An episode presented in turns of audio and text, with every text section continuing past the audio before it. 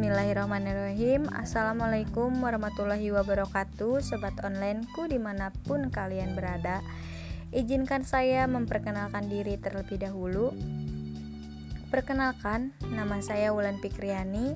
Di sini saya akan mengajak teman-teman semua untuk yang mempunyai cita-cita ingin menjadi seorang konselor, tapi bagaimana ya caranya?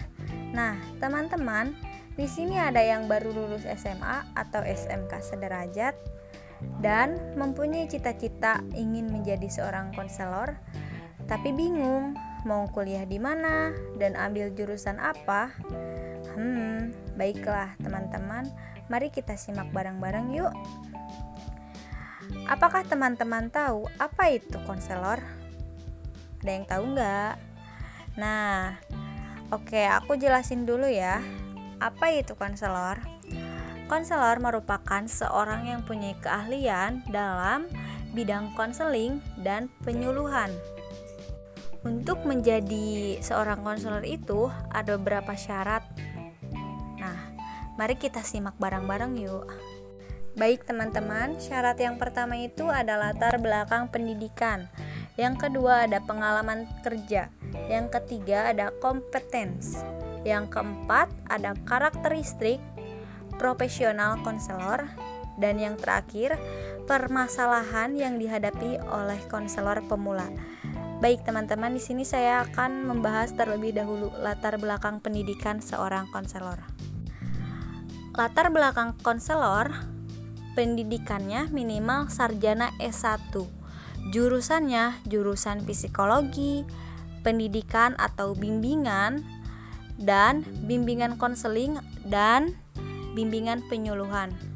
Untuk mengikuti syarat yang kedua itu ada pengalaman kerja.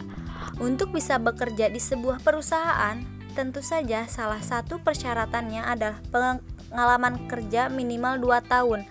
Tapi untuk bekerja menjadi seorang konselor itu pengalaman kerjanya hanya diutamakan saja.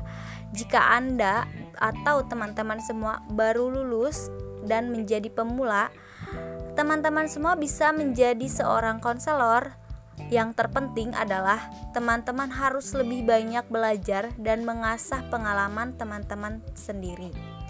Nah, untuk mengikuti syarat yang ketiga itu kan ada kompetens. Nah, syarat ini seorang konselor harus memiliki kemampuan dan kompetensi kerja sehingga dapat mengembangkan potensi pembedanya kompetensi seorang konselor ini ada empat. Yang pertama itu ada pedagogik, yang kedua ada personal, yang ketiga ada sosial, dan yang keempat ada profesional. Nah, teman-teman, kita lanjut ke syarat yang keempat.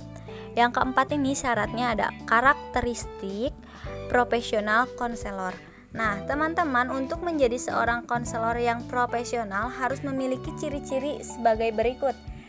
Baik, saya akan menjelaskan yang pertama. Dulu itu ada memiliki identitas yang baik atau self identity. Yang kedua ada acceptance. Yang ketiga itu ada respect. Yang keempat itu ada understanding dalam masalah klien. Yang kelima ada amanah, yang keenam itu ada objektif, yang ketujuh ada tulus ingin menolong seorang klien, yang kedelapan ada bertoleransi terhadap hal yang ambigu, yang kesembilan itu ada memiliki pengalaman dan memahami dunia klien.